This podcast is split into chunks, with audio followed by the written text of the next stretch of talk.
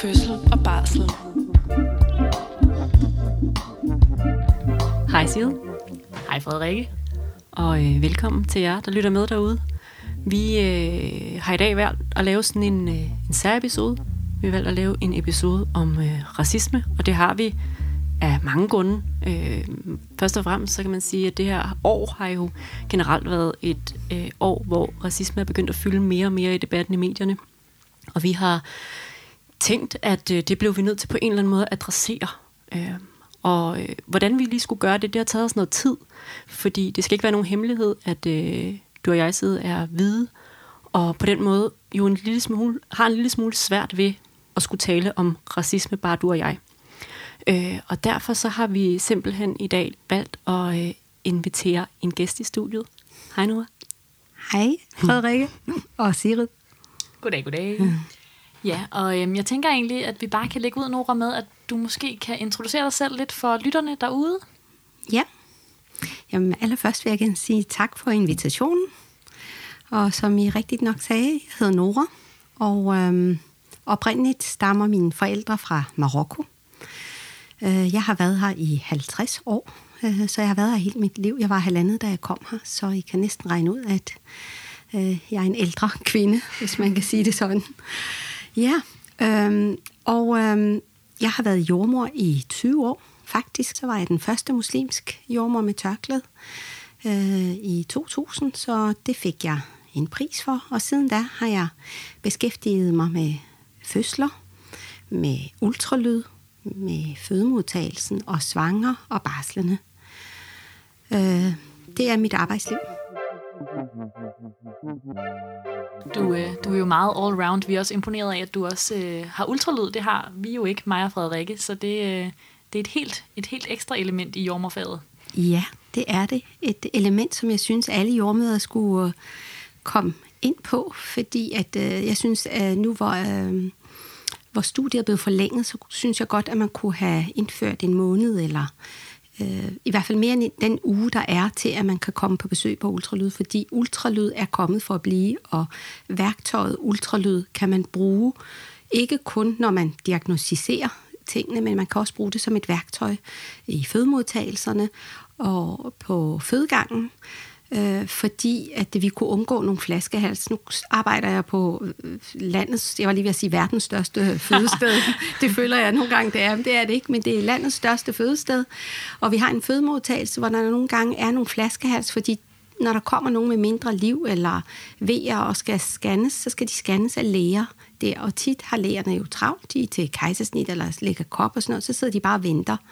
Men var der nogle jordmøder, der kunne scanne, så vil vi undgå de der flaskehalser. Det kan jeg mærke, når jeg er der. Så kigger alle på mig, ej, kan du ikke kigge på hende? Og så kører jeg alle de der igennem, og så øh, udskriver jeg dem, og så konfererer dem med lægerne bagefter, når de kommer fra kejsersnittet. Du har ikke lyst til at flytte til Slagelse og fødeafdelingen os? der er lidt langt at køre til Slagelse, men, øh, Det er rigtigt. ja. men jeg synes, det burde være sådan alle steder, at vi kun lidt mere ultralyd. Ja, det er en virkelig god pointe, det der med, at man kan undgå flaskehalsen. Det, det ser vi i hvert fald tit med os. Ja. Og jeg synes også, det nævnte du før, vi tændte mikrofonerne, at du også nogle gange bruger det under fødslerne, Ja. som du også har. Og det er jo også ret interessant, fordi det er heller ikke noget, vi som udgangspunkt gør det særlig meget i. Hvis der bliver scannet under fødslerne, så er det lægerne. Ja. Øhm, men, øh, men ja, så det kan bruges til meget. Ja, jeg bruger det rigtig meget på fødegang, og de kan se på mig, altså det er nærmest socioassistenter, de kigger på mig, skal vi køre scanneren ind med det samme? Jeg bruger den rigtig meget. Og når jeg er på fødegang, så er der en, en del læger, der spørger, kommer du lige ind og kigger med ind på stuen? Fordi jeg er jo betragtet som eksperten mm. i afdelingen, så, og dem synes jeg godt, vi alle sammen kunne være på en eller anden måde, fordi det er et redskab, det det er lige så vigtigt som doptonen og CTG'en. Ultralyden skal være et redskab, som jordmøder skal kunne benytte sig af. Det kan være, at vi skal lave en hel episode om det her en anden Ja. dag. Nora. Det, øh, det er ret spændende faktisk, fordi det er jo noget, som vi andre bare ikke lige har i vores værktøjskasse på, på fødegangen. Nej, I hvert fald ikke i samme grad. nej. Øhm, men jeg tænker, at det kan være, at vi skal springe til dagens fokusområde, øh, racisme, og øhm, vi vil egentlig lægge sådan rimelig hårdt ud med, med spørgsmålet, om du synes, at der er racisme i det danske sundhedsvæsen, om det er noget, du oplever. Øhm, jeg vil sige, at der findes racisme i høj grad i samfundet. I lidt mindre grad i sundhedsvæsenet. Mm. Men det findes, og det ligger lidt under overfladen. Og jeg kan også sige, at det er nogle gange, jeg ved ikke om det kan kaldes racisme, eller utryghed, eller mistillid. Øh, og det kan gå begge veje. Det kan gå fra personalet til patienterne, og fra patienterne til personalet, hvor de synes, at hvis nu der er en, en hvid jordmor eller sosu, der siger et eller andet, så siger de, at det er fordi hun er racist.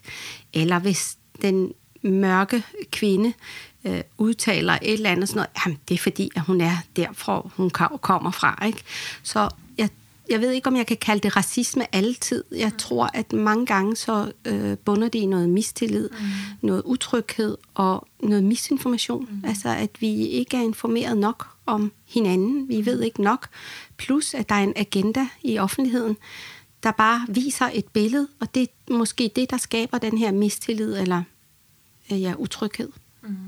Så ja, det findes i samfundet i stor grad, i meget stor grad, mm. desværre. Ja.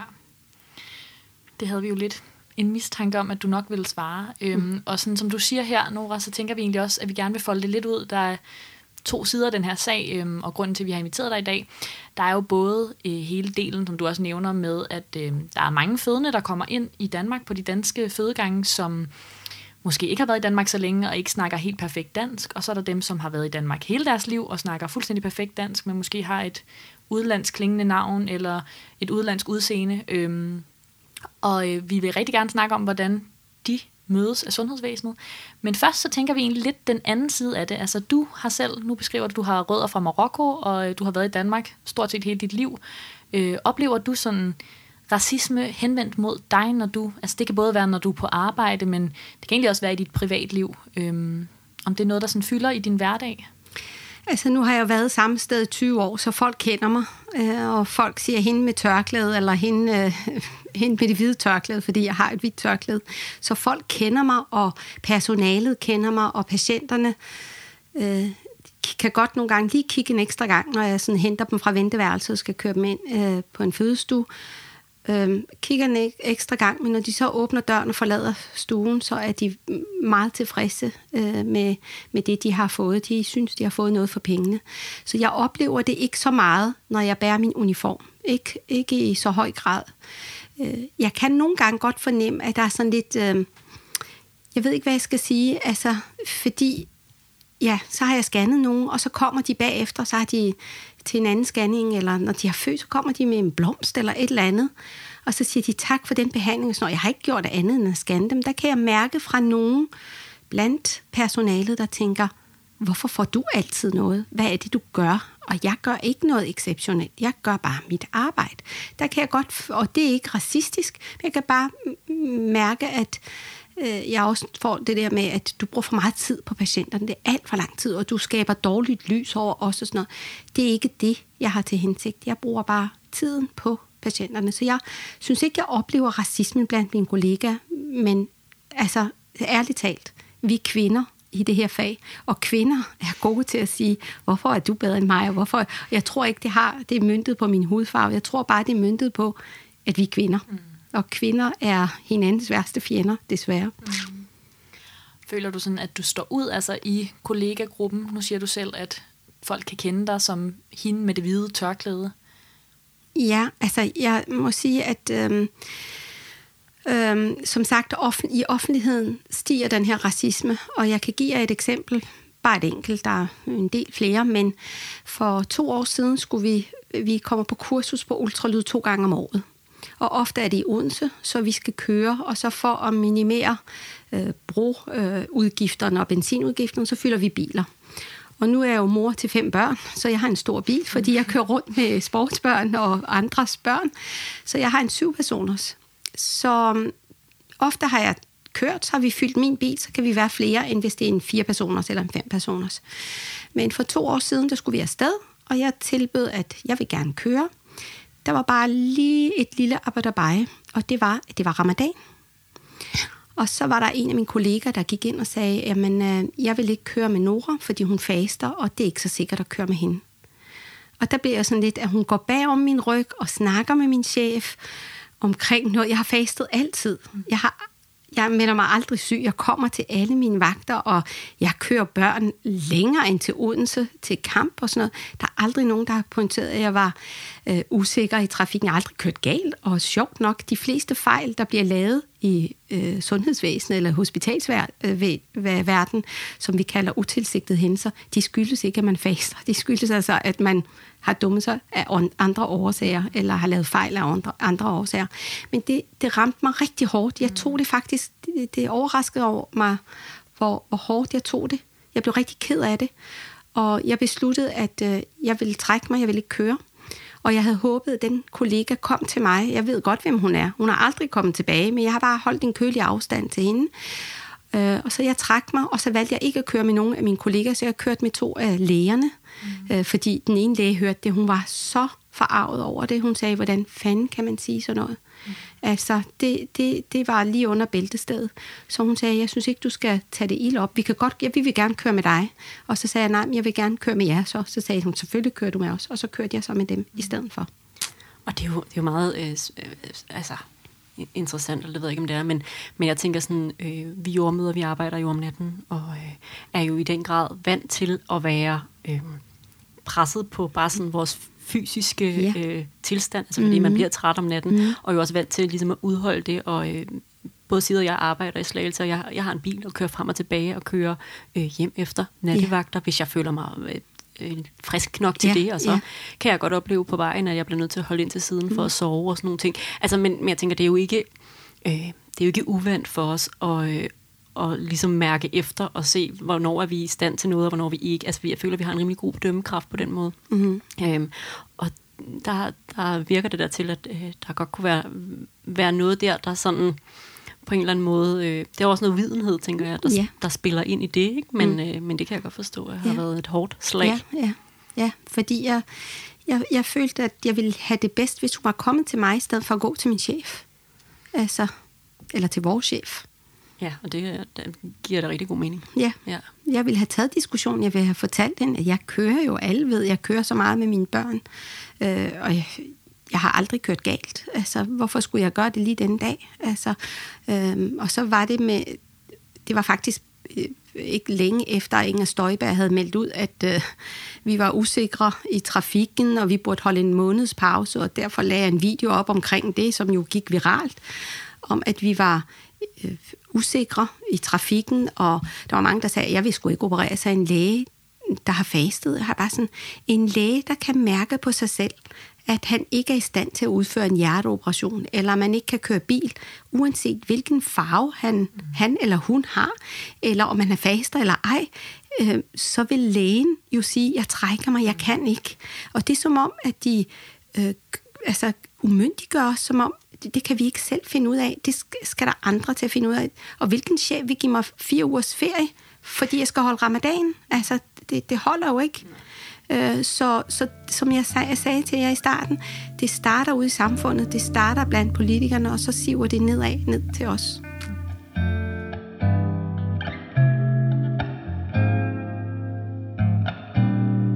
Ja, desværre. Mm. Men, øh, men herfra øh, synes jeg, at vi skal hoppe videre over til sådan hele det her med øh, den racisme, som så måske øh, befinder sig øh, fra fra sundhedspersonalet øh, og til øh, patienterne, eller i hvert fald som, som også er der. Øh, har du nogen, sådan at, når du tænker på, på vores øh, system, eller på den fødegang, du nu engang er ansat på, øh, er det noget, du, du lægger mærke til? Lægger du mærke til, at øh, der er en anden behandling af, af folk med ikke dansk baggrund, eller som, som måske har et, et, et, øh, nogle rødder fra andre steder end, end bare Danmark? Øh, ja, det, det skal jeg ikke bleg, være bleg for at sige. Det, det oplever jeg. Altså, der bliver jo snakket lidt i krone. De snakker lidt mindre, når jeg er synlig, fordi de vil helst ikke vise, hvad de mener. Men øh, øh, altså nu er det corona så tid, så hun må have, altså den patienten må have en pårørende med, det er en mand eller... Men før coronatiden, der vil man gerne have flere med, så hun vil gerne have sin mor og, og sin søster eller moster, eller hvad ved jeg. Øh, og det var der meget snak om, hvorfor skulle hun have så mange med til det her fødsel. Men man løfter ikke et øjenbryn, hvis det er en dansk pige, der gerne vil have sin mor og sin... Jeg har haft en, fø- en fødsel, hvor en øh, patients øh, svigerfar filmede fødslen, altså med benene. Det synes jeg var lidt grænseoverskridende, men fint nok, hvis de har det sådan, det respekterer jeg. Øh, så det føler jeg. Jeg har også haft nogle, eller jeg har haft en, en fødsel, hvor parret ventede et barn med trisomi 18, og de havde vidst det i graviteten, og de havde øh, sagt nej til at få en abort, fordi det blev opdaget tidligt, så de ville gerne have, at naturen gik sin gang. Velvidende, at barnet ville blive født, hvis det nåede så langt, og så dø umiddelbart efter. Og der kan jeg huske, der blev snakket hvorfor fanden hun belastede sig selv og systemet og ventede, hvor kunne ikke have fået en abort. Det blev opdaget i uge 13 eller 14. Kunne ikke have valgt en abort der? Og hvorfor skal hun have alle de kvinder, de der øh, øh, sørgende kvinder med? De sad og græd i hjørnet, og jeg ved ikke hvad. Og de blev ved, og de blev ved. Til sidst måtte jeg simpelthen banke i bordet og sige, at nu holder I simpelthen op. Det her. Vi sørger på forskellige måder. Og her, det er en måde for hende at sørge på. Hun vil gerne tage imod sit barn. Hun vil gerne sige farvel. Hun vil gerne begrave det. Hun vil gerne... Det er den måde, hun vil have det på. I vil ikke have sagt noget, hvis det var en hvid kvinde. Det er bare fordi, hun, er, jamen, hun har så mange med. Hun havde, jeg tror, hun havde øh, 10 kvinder med på stuen, og det tillader vi, fordi det er en, en sorg. Øh, men, og da jeg så bankede på og sagde, jeg vil ikke høre, I snakke om det, så holdt det altså op. Øh, og det endte jo med en fin fødsel, og ja, de græd alle sammen og sådan noget, men de var der omkring hende, og jeg var ude at besøge dem fire uger efter, hun var kommet videre, og familien havde været omkring hende, og at, øh, familien havde været der hver dag øh, på skift og sådan noget. Hvad er der galt i det? Hvorfor, hvorfor kan man ikke acceptere, at man gør tingene forskelligt? Ja, det er jo i virkeligheden det, der er altså en rigtig god pointe, det der med sådan forskellighed. Ja. Øhm, og, øh, og forskellighed er jo ikke bare i blandt raser eller i Nej. blandt øh, forskellige kulturelle baggrunde, Nej. men jo også blandt øh, individer. Ja. Og, øh, og vi snakkede inden øh, vi gik i gang her om begrebet etniske smerter. Ja. Kunne du tænke dig at bare lige sådan, øh, beskrive, hvad er etniske smerter, når det handler om fødsler for eksempel? Altså jeg tror, at etniske smerter er ligesom kolik det er en kasse, hvor man lægger alle børn, der græder, hvor man ikke kan finde ud af, hvad de græder af. Så siger man, at barnet har kolik. Etniske smerter, det er en, en eller anden, øh, der måske har opfundet det i nattevagt, der har været rigtig træt, eller har været en 24-timers vagt, der tænkte, hende der kan jeg simpelthen ikke holde ud, fordi hun, hun græder, eller råber, eller skriger for meget. Hun har etniske smerter. Jeg ved ikke, hvad begrebet er, men det dækker over, at kvinder med anden etnisk baggrund øh, øh, hvad skal man sige, ytre sig højlydt med smerte, når de har smerter. Og altså, som sagt, så har jeg været jordmor i 20 år, jeg har været på den fødegang i 21 år, og for mig at se, at det ikke markant større, at kvinder med anden etnisk baggrund skriger højere eller ytrer sig med smerter end hvide danske kvinder – Altså, de, de skriger lige så meget, men det er som om, nej, det er etniske smerter, når kvinder, der ligner mig, øh, skriger noget. Vi har skriger lidt mere. Vi har også nogen, der ikke siger noget. Der tænker man også, hvorfor siger hun ikke noget? Så uanset om hun siger for meget eller for lidt, jamen, så er den gal. Og så som jeg sagde til jer tidligere, så ytrer vi os på forskellige måder, om man er hvid, eller om man er brun, eller midt imellem. Vi ytrer os på forskellige måder som individer. Det kommer an på, hvad vi har med bagagen, hvad vi har været udsat for. Og også det der med, at syd for Tyskland, altså i Frankrig, Italien og Spanien, der snakker man jo højt, og man kysser og krammer, og man øh, øh, øh, øh, øh sørger sammen, man græder højlydt og sådan noget. Ikke? I Danmark har det ikke været sådan. Det var sådan, man skulle helst sørge stille og roligt, og man måtte ikke ytre sig, man måtte ikke snakke højt, og man måtte ikke kramme og kysse. Det der med at kendkysse og sådan noget, det er først kommet øh, efterfølgende. Nu er det væk på grund af corona, men altså, flere og flere danskere var begyndt at kendkysse, og flere og flere danskere var begyndt at sige, hvad så bro, går det godt, og jalla, kom. Altså, der er kommet, der er sig nogle ting. Især blandt de unge, hvor de gamle, de er altså lidt bagefter. Så ja, nogen har opfundet ytringssmerter, men jeg vil påstå, at ytrings, øh, eller hvad hedder det, ikke ytring, øh, etniske smerter ikke findes. Mm. Det er et begreb, der er opfundet, og det stemmer ikke overens med det, jeg oplever på en fødegang. Og nu sagde du selv, Nora, at du har måske en fornemmelse af, at der bliver snakket lidt forskelligt, alt efter om du er i personalstuen eller ej. Ja. Og øhm, jeg kan jo sådan fra min egen erfaring sige, at, at jeg har en oplevelse af, at det også efterhånden er almen kendt, at det ikke er et et okay begreb at bruge, men at det alligevel bliver brugt som sådan en, nu ved jeg godt, at der ikke eksisterer etniske smerter, eller vi har besluttet, at det ikke eksisterer, men jeg tænker nu alligevel, at der er lidt af det inde på stue 5, eller øhm, det er ikke fordi, jeg vil sige, det er etniske smerter, men det har nok noget med hendes kultur at gøre inde på Ja. stue 3, at hun skriger rigtig Ja, meget. ja, ja. Og, og for mig at se, så er det sådan en, en underlig, altså, det, det, for det første giver de der sætninger slet ikke mening, når jeg hører dem. Jeg tænker, hvad, altså, stop lige op og tænk over, hvad det er, du siger nu. Mm. Øhm, men, men jeg har også sådan en oplevelse af, at det er øhm, både et udtryk for, at de skriger øh, mere, men også, at man ikke behøver at tage det lige så seriøst, Nej. fordi det ikke, man, man, man sammenholder ligesom ikke øh, udtrykket for smerte med den smerte, der rent faktisk er. Man tænker, det er øhm, noget, man ikke behøver at, sådan, at reagere på. Vel en, over, vel en overreaktion i virkeligheden. Ja, en, over, en overreaktion nok, ja. Ja, som man skal arbejde med. Det er en udfordring. Mm. Og når jeg har sådan nogle kvinder, uanset om de er mørke eller lyse og sådan noget, jeg kommer altid ind på en stue. Jeg dæmper lyset. Jeg sætter noget relaxing mus- musik på. Jeg har sterinlys derinde og sådan noget. Og så går jeg hen til patienten, jeg kigger hende i øjnene og hjælper hende med at trække vejret. Jeg er nærværende, jeg er der, jeg tør røre patienten. Det, det er et skridt frem. Jeg kan mærke, at de bliver lidt mere rolige, og jeg siger, jeg hjælper dig, og har du ondt, så har vi altså nogle ting, du kan få. Fordi det er jo ikke meningen, at man bare skal have ondt, man skal tilbydes noget smertelindring. Gud gør det ondt at føde. Og ja, hvad har den enkelte kvinde med bagagen? Har hun været udsat for overgreb? Har hun været flygtning og været udsat for ting, vi ikke ved? Øh, har hun været øh, i plejefamilie? Øh, har hun mistet sin mor? Øh, jeg har født med en etnisk dansk kvinde, der simpelthen gik i chok, fordi hun med, under graviditeten øh, havde mistet sin mor til kræft.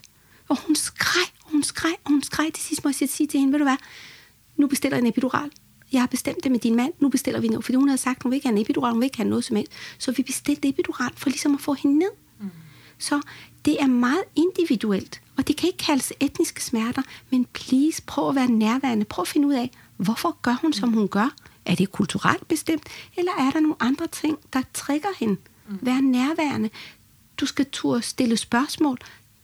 Og det er jo måske noget berøringsangst, som mange øh, på, i begge fløje har, at man tør ikke spørge, hvorfor skri- hvad er det, der gør ondt? Hvorfor skriger du så højlydt? Er der noget, jeg kan gøre ved, øh, for dig, eller gøre ved smerten? Og så tror jeg måske også, det er i hvert fald det, jeg har tænkt, at, at det her begreb etniske smerter ligesom er nogle briller, man tager på, og dem tager man så kun på, når man kigger på en, på en patient, der øh, ikke er etnisk dansk. Ja. Øh, hvor at netop når man så kigger på... Øh, på, det ved jeg Josefine inde på Ja. ja. stue 2, så Ja. ja. tænker man, øh, når Josefine er godt nok ondt, vi må hellere gøre noget ved hendes Ja, smerter, ikke også? ja. Hvor at, at det, er jo, det er jo det, der er, øh, også bliver problemet, det er, at man så ikke tager smerterne lige så seriøst. Ja. Øhm, og det, øhm, det tænker jeg i høj grad er, er problematisk. Det har du fuldstændig ret i, det kan jeg kun blive enig om. Så ja. ja. Og det, altså, vi har jo snakket meget, øh, os tre sammen, og øh, som jeg kan fortælle, er, at øh, det er tankevækkende, at øh, blandt etniske, øh, eller blandt øh, kvinder med anden etnisk baggrund, der er der en overrepræsentation af dødsfødsler.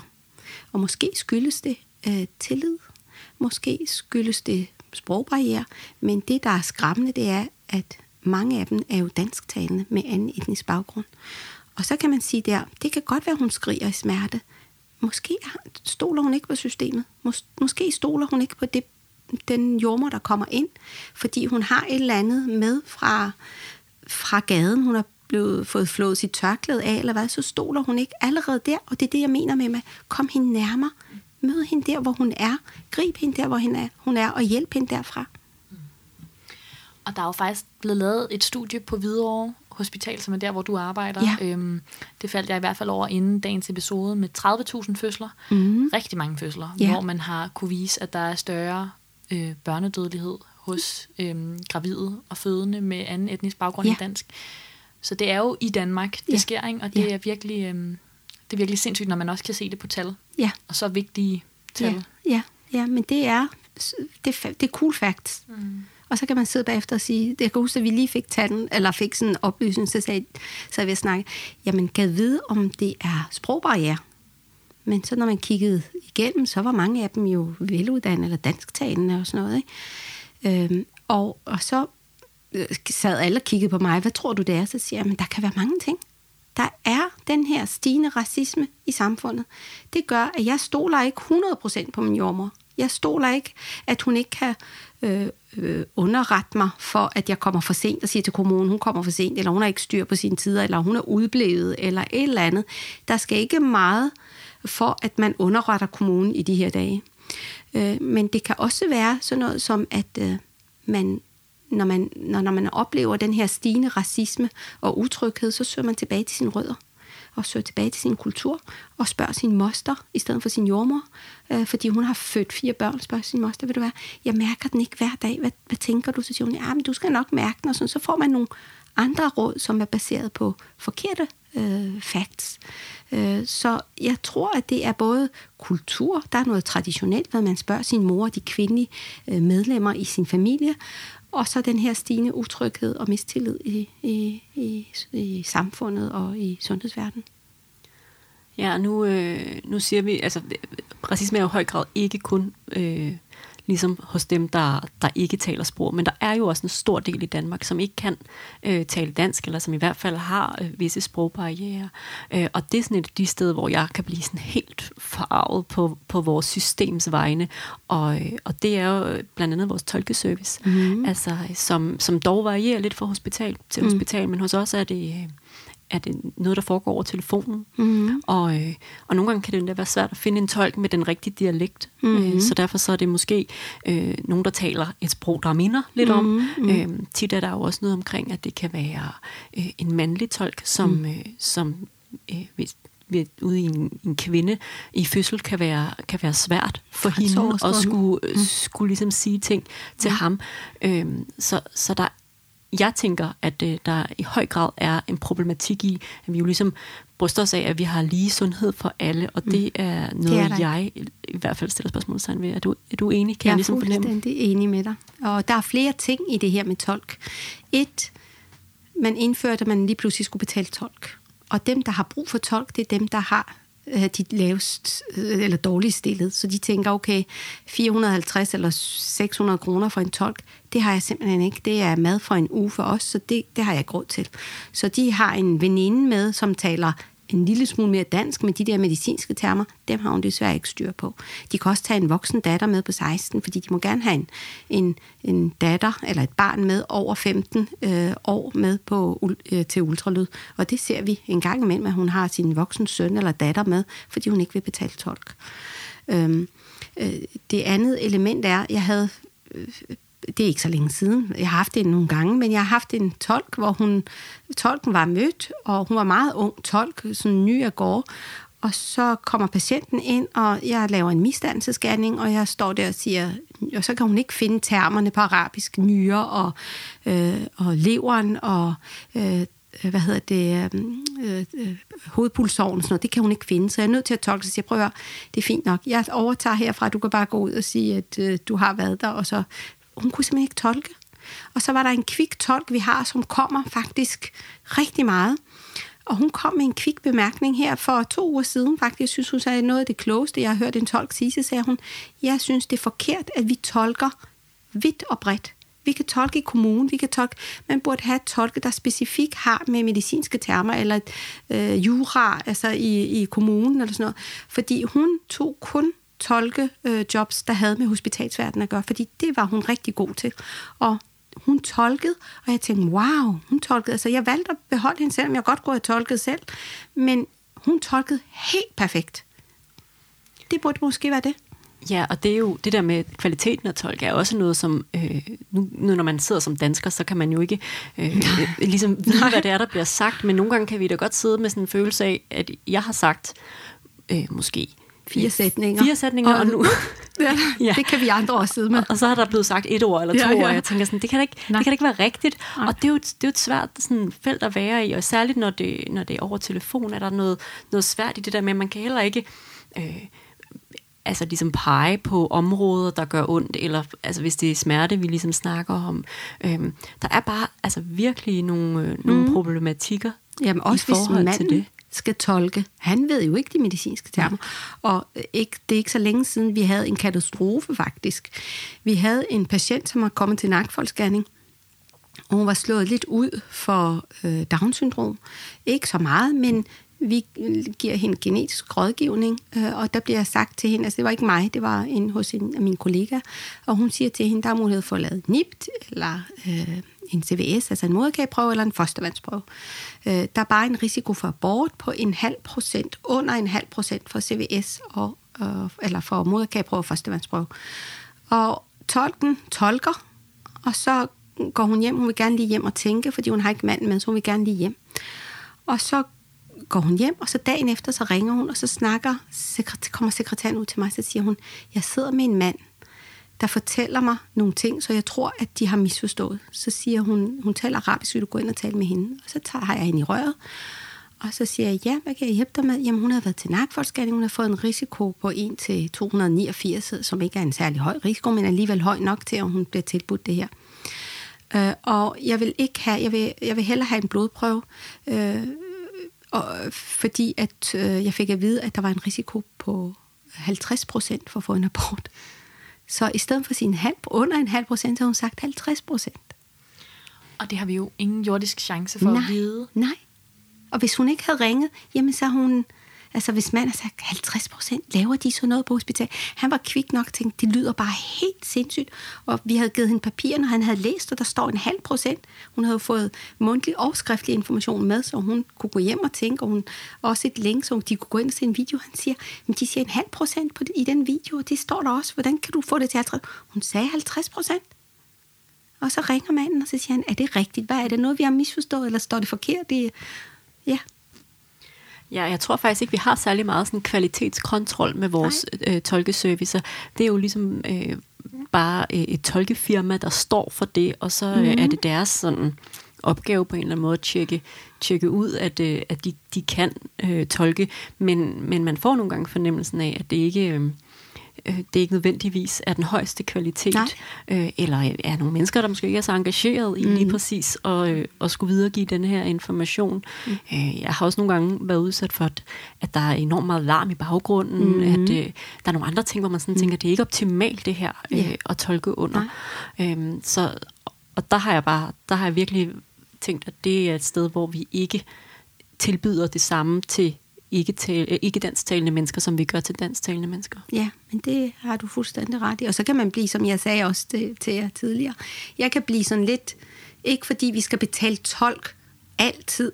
Jeg, jeg synes også, når man bosætter sig i et land, så skal man også, og man ved, her skal jeg bo, her stifter jeg familie, her skal mine børn vokse op, så har man også en forpligtelse i at lære sproget. Øh, jeg kan blive sådan lidt harm nogle gange over, at man har boet her i så mange år, 20 år, kommer og skal have sit fjerde barn, og så skal man have en tolk. Det, det dur bare ikke. Det klinger lidt øh, hult i min, mine ører. Jeg kan forstå, hvis man har været to-tre år, at det er sparsomt, og man har lært lidt dansk, og det er sparsomt. Særligt de medicinske termer, dem kan man have lidt svært med. Men har man været her en årrække, så tænker jeg, der er et eller andet galt. Der synes jeg, det er, øh, det er for meget, at vi skal betale tolk hele tiden. Det skal være en mulighed, og vi skal ikke have patienter overhovedet, og også dem, der har været her i 20 år. Vi skal ikke have patienter, der går fra vores afdeling, uanset om det er på ultralyd på fødegang, hvor, eller jommerkons, hvor de er øh, misinformeret eller dårligere informeret. For det skaber bare risici, risici for graviditeten og for fødslen og for det videre outcome. Og det kan vi ikke være bekendt.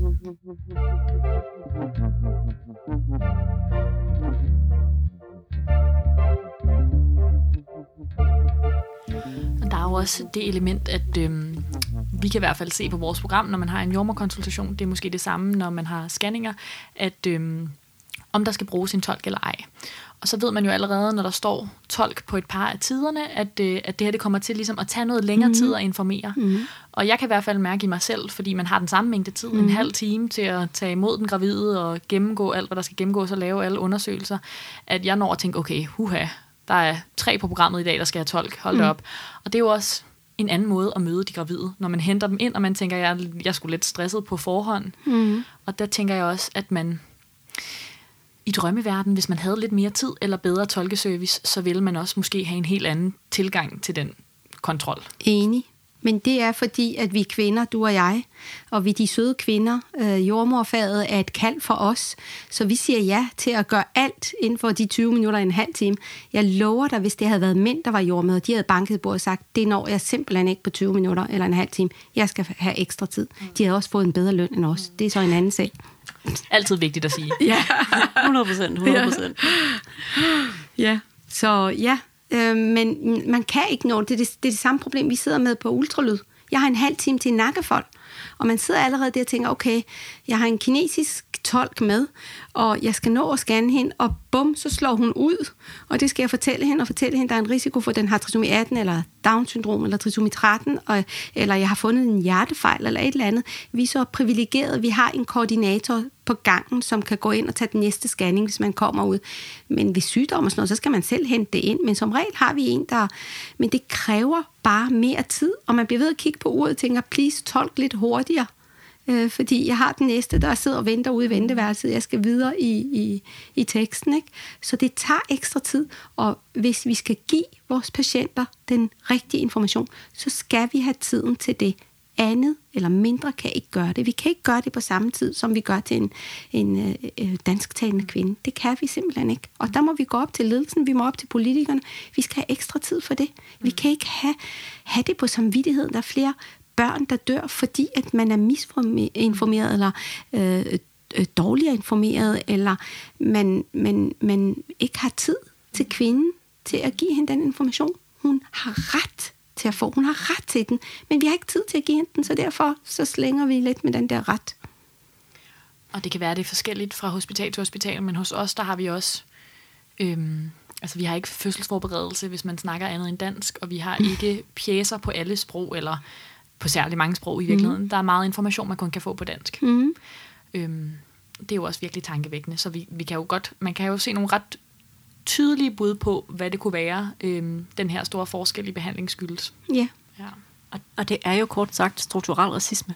Altså det, det er sådan, det kommer til udtryk, når vi vælger at indrette et samfund øh, specifikt mod hvide mennesker, som øh, taler det danske sprog, øh, og, og på en eller anden måde undlader at tage højde for, at vi ikke er et land, der kun består af hvide mennesker, der taler øh, flydende dansk. Øh, og det, øh, det føler jeg er, er under al kritik, særligt mm. når vi ligesom som sundhedsvæsen er sat i verden for at, øh, at hjælpe folk mm. af alle, øh, både øh, køn, øh, seksualitet, etnicitet og alle aldre. Mm. Og et andet eksempel på øh, strukturel racisme, når du snakker om det, Frede, det er jo... Øh, hvis man har opdaget det på Instagram, det har været sådan gået viralt i løbet af, af sommeren her, at øhm, på medicinstudier rundt omkring i verden, så bliver man undervist, og det gælder, kan vi hilse at sige, også på jordmorstudiet, og sandsynligvis på alle, stort set alle mm. sundhedsfaglige mm. uddannelser, at hvis man bliver undervist i øhm, udslæt, knupper, øh, hudsygdomme, så bliver man undervist med billeder af mennesker med hvid hud. Mm. Og øh, det samme gælder, når vi snakker om dårlige børn, som er blålige eller mm. blege, så tager vi også udgangspunkt i den lyse hudfarve, og hvordan den kan ændre sig.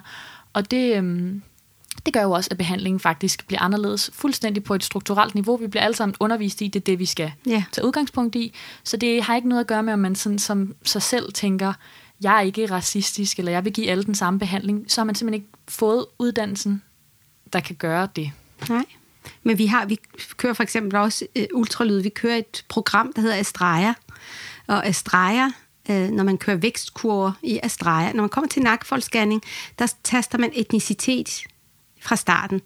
Og det bemærkelsesværdige er, hvis man er afrokaribisk, så er den helt galt. Så slår man mere ud end alle de andre, asiatiske og anden og øh, kaukasisk. Altså kaukasisk, det er stadigvæk øh, top, også i det system. Men når man kommer til tilvækster, så har vi jo fra starten slået fra, altså slået til, at hun er asiat, eller hun er pakistaner, eller...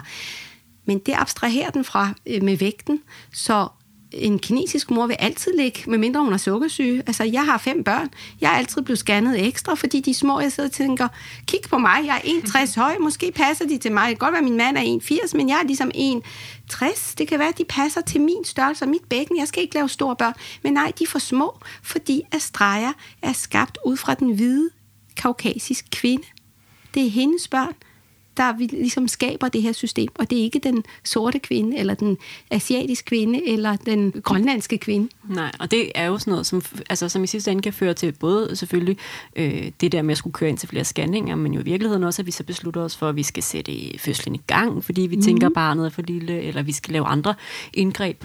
Øh, og, og det er vanvittigt tankevækkende. Ja, men der synes jeg, at vores læger i svangerambulatoriet er ekstremt dygtige til at kigge op på mor, og også have hænderne på. Man skal huske, man skal ikke stole 100% på en scanning, men også mærke efter og sige, jamen det passer da meget fint og sådan noget. Og så længe flow er normalt, og barnet vokser fra gang til gang, og den er lille, who cares, den har det godt. Den har bare en anden størrelse end, øh, end uh, Simones baby. Uh, sådan er det.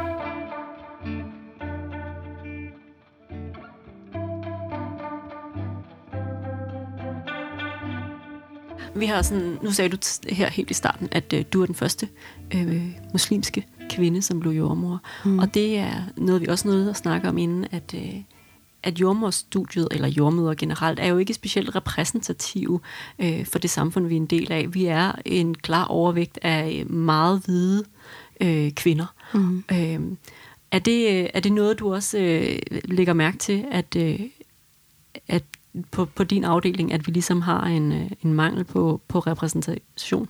Ja, altså ja, som sagt, som du sagde, så var jeg den første muslimske jordmor i Danmark og fik en pris for det, hvilket jeg synes var lidt absurd, fordi ja, jeg var bare blevet jordmor, men fint nok. Øh, men øh, men øh, der er kommet flere. Jeg har ligesom skabt vejen for nogen, og mange har set mig som rollemodel. Og faktisk så er kvinder med anden etnisk baggrund, de stormer ind i uddannelses, øh, øh, hvad hedder det, verden og jobmarkedet. Altså medicinstudiet, det er, det er noget helt andet end jordmorstudiet. Der er det, jeg vil sige, 50-60 procent med anden etnisk baggrund og hvide danske kvinder.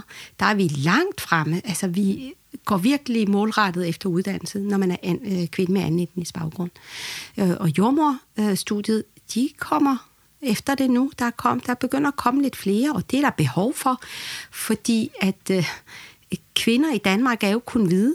Så øh, jordmøden skal repræsentere farven af regnbuefarven af alle de kvinder, der bor i Danmark. Så vi skal have nogen, der er asiater, vi skal have nogen, der er afrikaner, vi skal have nogen, der er midt imellem, vi skal have hvide også og sådan noget.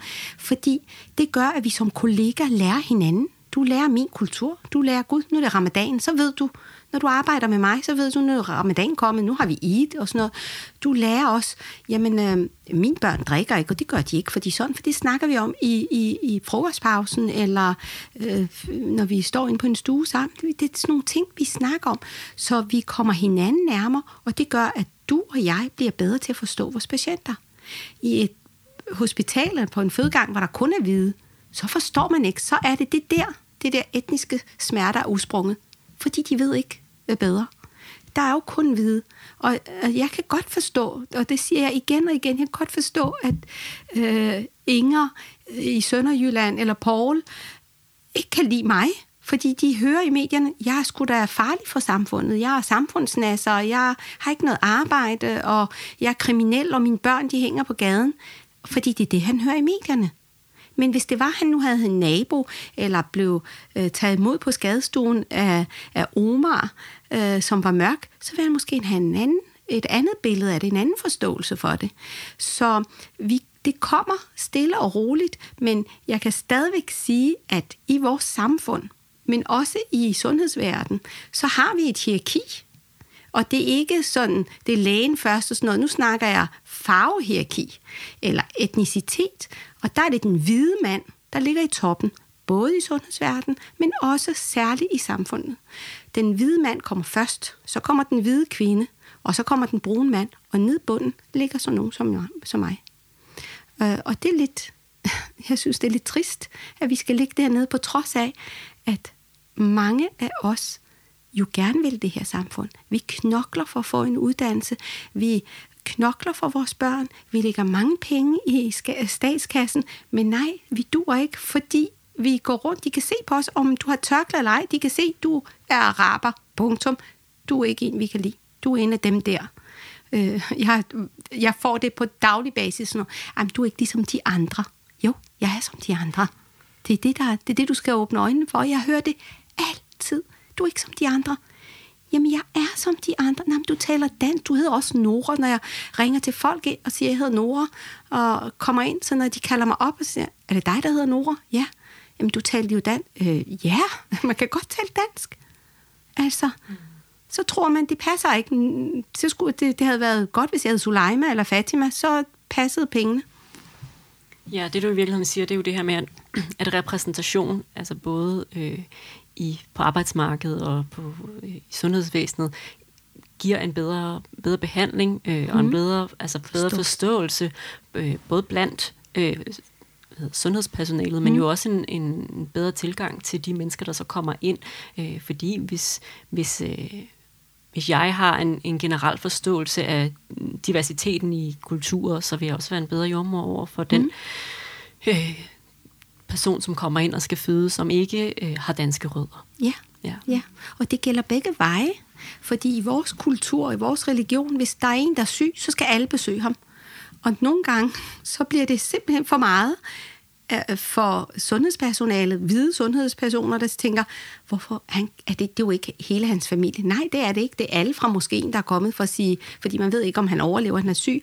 De kommer kortvarigt. Sådan noget. Men hvis vi har nogen brune i sundhedsvæsenet, der arbejder i sundhedsvæsenet, så kan man påvirke sine forældre, sin onkel, sige, jeg synes ikke, du skal gå der sammen med alle de andre, det er ikke godt, kan du ikke vente, kan du ikke skrive til ham, kan du ikke ringe til ham i stedet for, for det belaster øh, systemet, det belaster sundhedsvæsenet, at de kommer så mange på en gang, der er ikke plads til jer, der er simpelthen ikke plads, og det er ikke fordi, de ikke vil have jer, det er ikke fordi vi og han kan sige vi, fordi han er selv en del af sundhedsverdenen. Ikke fordi vi ikke vil have jer, der er bare ikke plads, og øh, øh, patienten skal have ro. Så man får en selvforståelse, som man kan give videre til sine brune medborgere. Mm.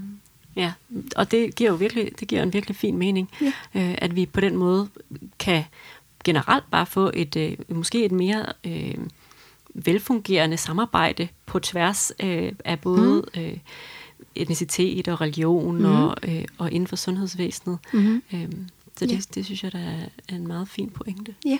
ja.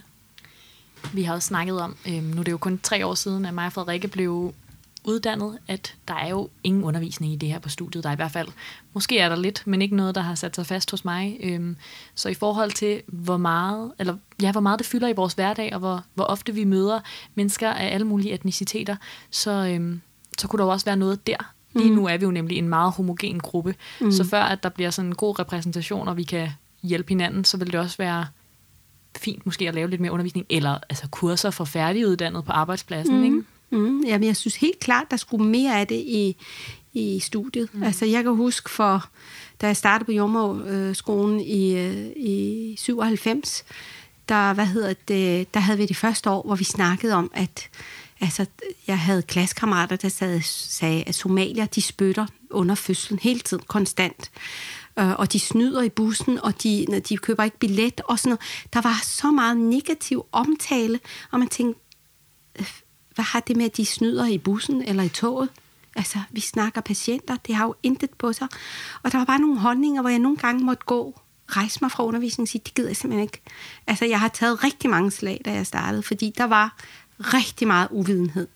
Men øh, det var i 97, da jeg blev færdig i 2000, der var der en anden tilgang, og en anden, de havde sådan fået en anden forståelse for det, fordi de havde haft mig, og så på andet år, der fik vi en jordmor, der um, oprindeligt var jordmor i Iran, som var kommet ind i studiet, og hun var ikke, så hun havde ikke tørklæde, og hun var ikke muslim, og, men, men hun kunne ligesom hun havde en fod i hver leg, og hun kunne godt sige, hvad, hvad snakker I om? Altså, det passer ikke, og sådan noget, fordi jeg følte mig virkelig alene. Da hun kom, så var vi ligesom to, der siger, det passer sgu da ikke. Altså, det har intet med kulturen eller religion at gøre, man går og spytter under en fødsel. Helt ærligt. Øh, så hvis man har det i studiet, jeg tror, det har rykket sig, der er kommet lidt mere af det, fornemmer jeg, fordi der er kommet flere jordmorstuderende med etnisk baggrund, og, og, og, og det er godt. Men jeg synes, der burde være undervisere på jordmorstudiet, der også var repræsentativ for, for samfundet. Øhm, og, og så synes jeg generelt, at jordmorfaget er så fattigt, når der ikke er mænd med. Mm. Jeg synes, sygeplejeverden, der er kommet flere mandlige sygeplejersker. Jeg synes nogle gange, det bliver en hønsegård at gå på en jordmorskole og arbejde på en fødegang. Fordi jeg elsker, når der er mandlige læger nogle gange.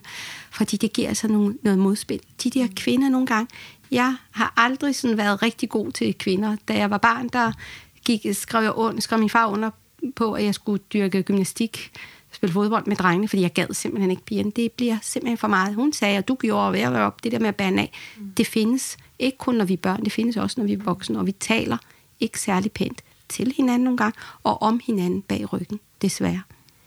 Men det er også klart en måde, hvor jordmorfaget er meget ensartet. At ja. det er stort set kun kvinder. Nu har Maja Frederikke tidligere sagt i en episode, at der ikke var nogen mandlige jordmøder i Danmark. Det har vi så fået rigtig mange beskeder på. At der er et par stykker i Jylland, men det er jo... Det er ikke mange. Nej, vi har haft nogle stykker mange. i Sjælland, der har været rigtig gode. Mm. Og så synes jeg bare pointen med, at, øh, at vi skal have noget bedre repræsentation ind på, på uddannelsen, også altså i, i form af undervisere, ja. giver rigtig god mening. Og man kan sige, selvom at der, jeg, jeg kan spore din optimisme, det synes jeg simpelthen er så dejligt, mm. øh, så, så vil jeg stadig våge at påstå, at, at der er en klar overvægt af øh, hvide øh, på jordmorstudiet. Mm. Øh, det var der i hvert fald, da vi gik der mm. øh, for, for snart tre år siden, og det er der stadigvæk. Mm. Og jeg tror også på, at hvis man havde øh, undervisere øh, med, med andre øh, baggrunde, mm. at så ville det også øh, få en led, at vi fik flere ind i faget. Og man kan sige, det er jo et sted, hvor der er virkelig meget at vinde, og ikke særlig meget at tabe. Nej. For det giver øh, det der med at have nogen, der måske kan tale fransk, eller mm-hmm. nogen, der kan tale øh, ja, arabisk, eller mm. andre sprog, giver mm. jo, øh, mm. åbner op for nogle helt andre muligheder for mm. kommunikation. Ja. ja, og så kunne man måske tale etniske smerter ned allerede ved jordmorstudiet, så man ja. kom med de rigtige briller, når man kom ud i praktik. Og skal vi ikke bare prøve at se, om vi kan udrydde ordet etniske smerter vi her og nu? i dag. Vi begraver den nemlig Ingen i dag. etniske smerter der er smerter, det gør ondt at føde, og det er ikke en løgn. Lige præcis. Så fint sagt. ja.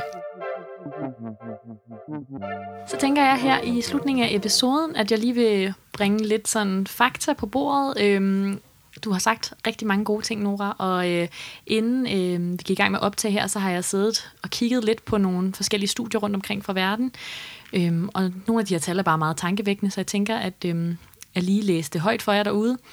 Jeg har blandt andet fundet et studie fra USA med data fra 1,8 millioner fødsler. Det er jo mange. Sindssygt mange fødsler. Mm.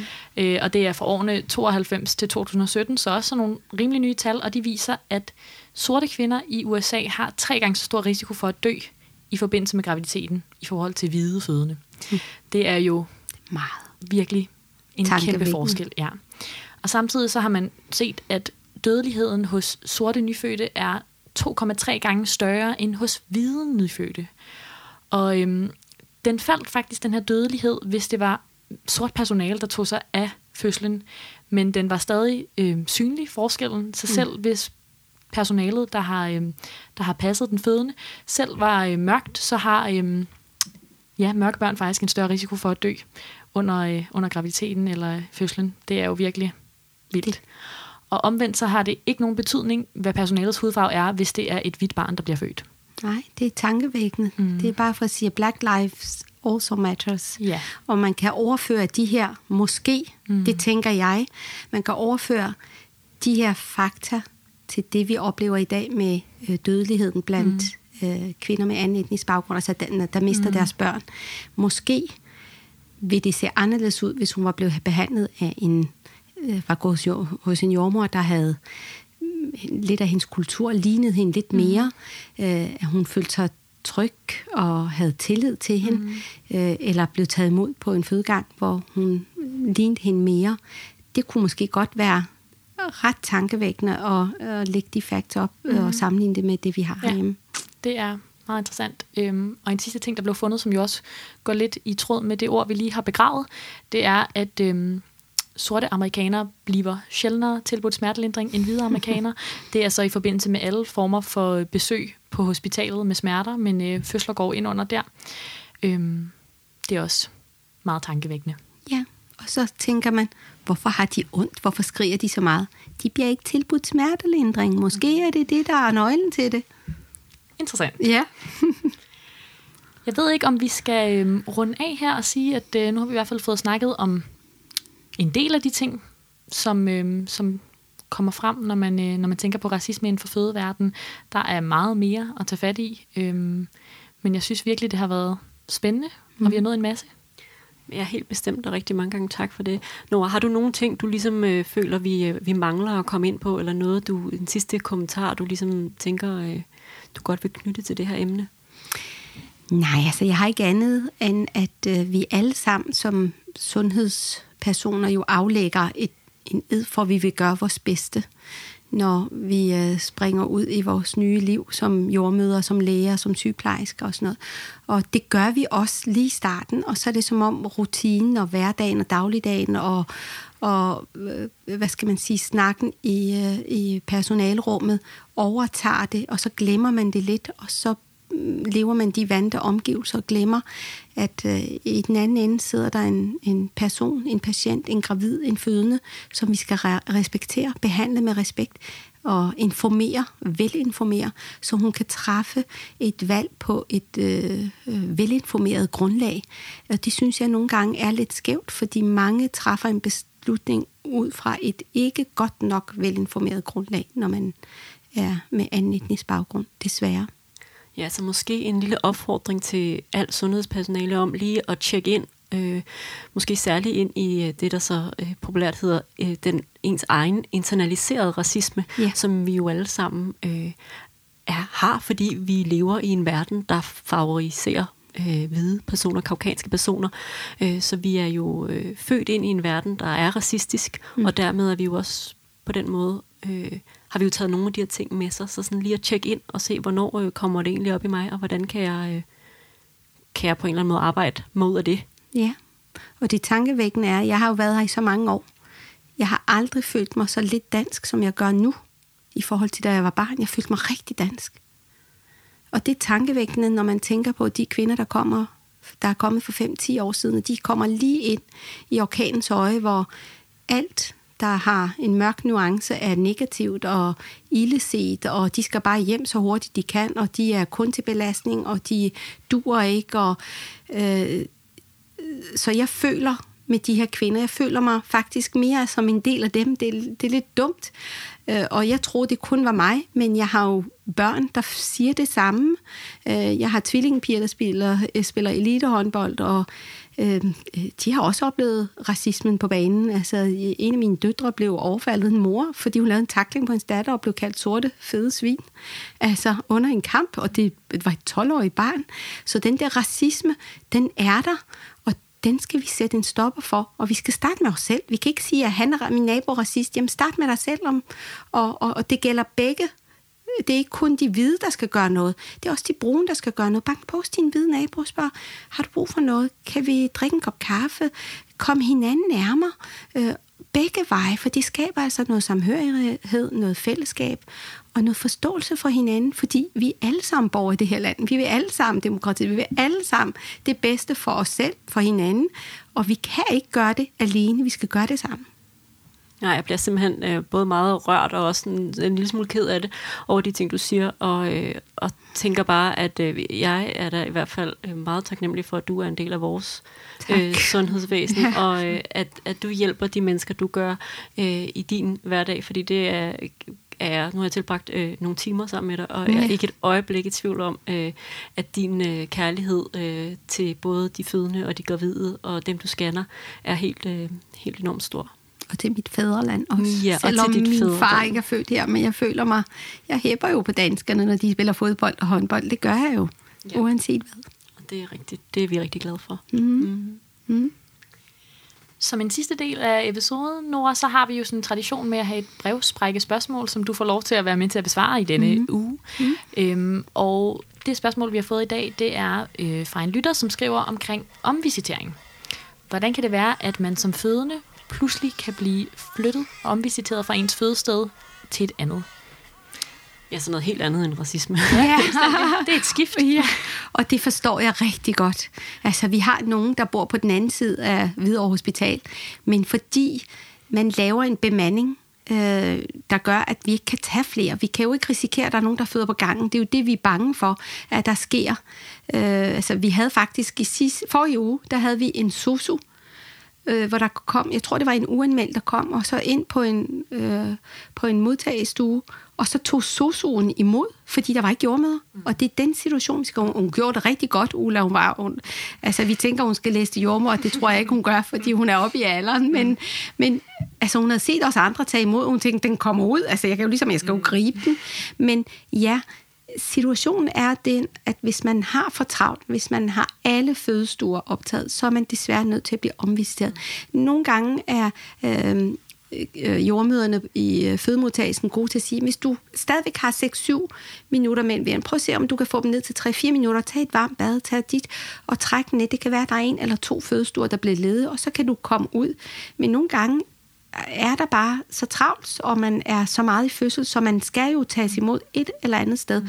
Og der er vi gode til Regionen Hovedstaden og hjælpe hinanden. Vi har faktisk, var det sidste sommer, der for i sommer, der var vi lige ved at sende en patient til Bornholm. Det har jeg okay. ikke oplevet. Med fly og det hele, altså virkelig, fordi vi ikke havde ressourcer, og ja. Herlev havde ikke, Ride havde ikke, vi spurgte Slagelse, vi spurgte Nykøbing, der var ingen, alle havde travlt den dag.